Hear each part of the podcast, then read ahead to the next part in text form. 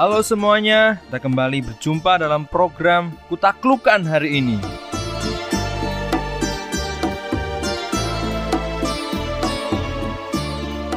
Kita harus belajar dari Ayub untuk urusan mengendalikan mata. Ayub memberikan pernyataan menarik tentang bagaimana dia mengendalikan matanya. Ayub pasal 31 ayat 1 mengatakan, Aku membuat kovenan dengan mataku. Bagaimana mungkin aku memperhatikan seorang perawan? Dalam Alkitab, penggunaan kata kovenan atau perjanjian bisa berbentuk bilateral atau unilateral. Dalam kovenan bilateral, dua pihak memiliki posisi seimbang dan syarat perjanjian ditulis dan disepakati bersama. Sedangkan dalam kovenan unilateral, perjanjian dibuat antara penguasa dan bawahannya, di mana penguasa yang menuliskan isi perjanjian tanpa perlu mempertimbangkan suara bawahan.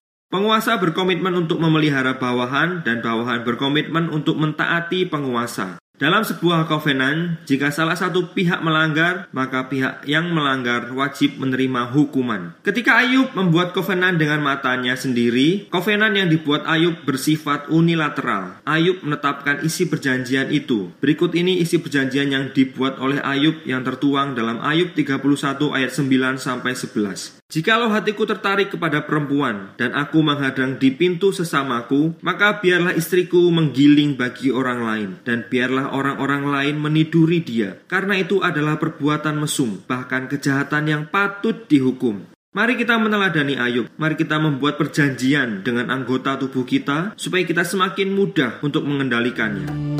Tuhan memberkati. Hanya satu permintaanku, Abah stand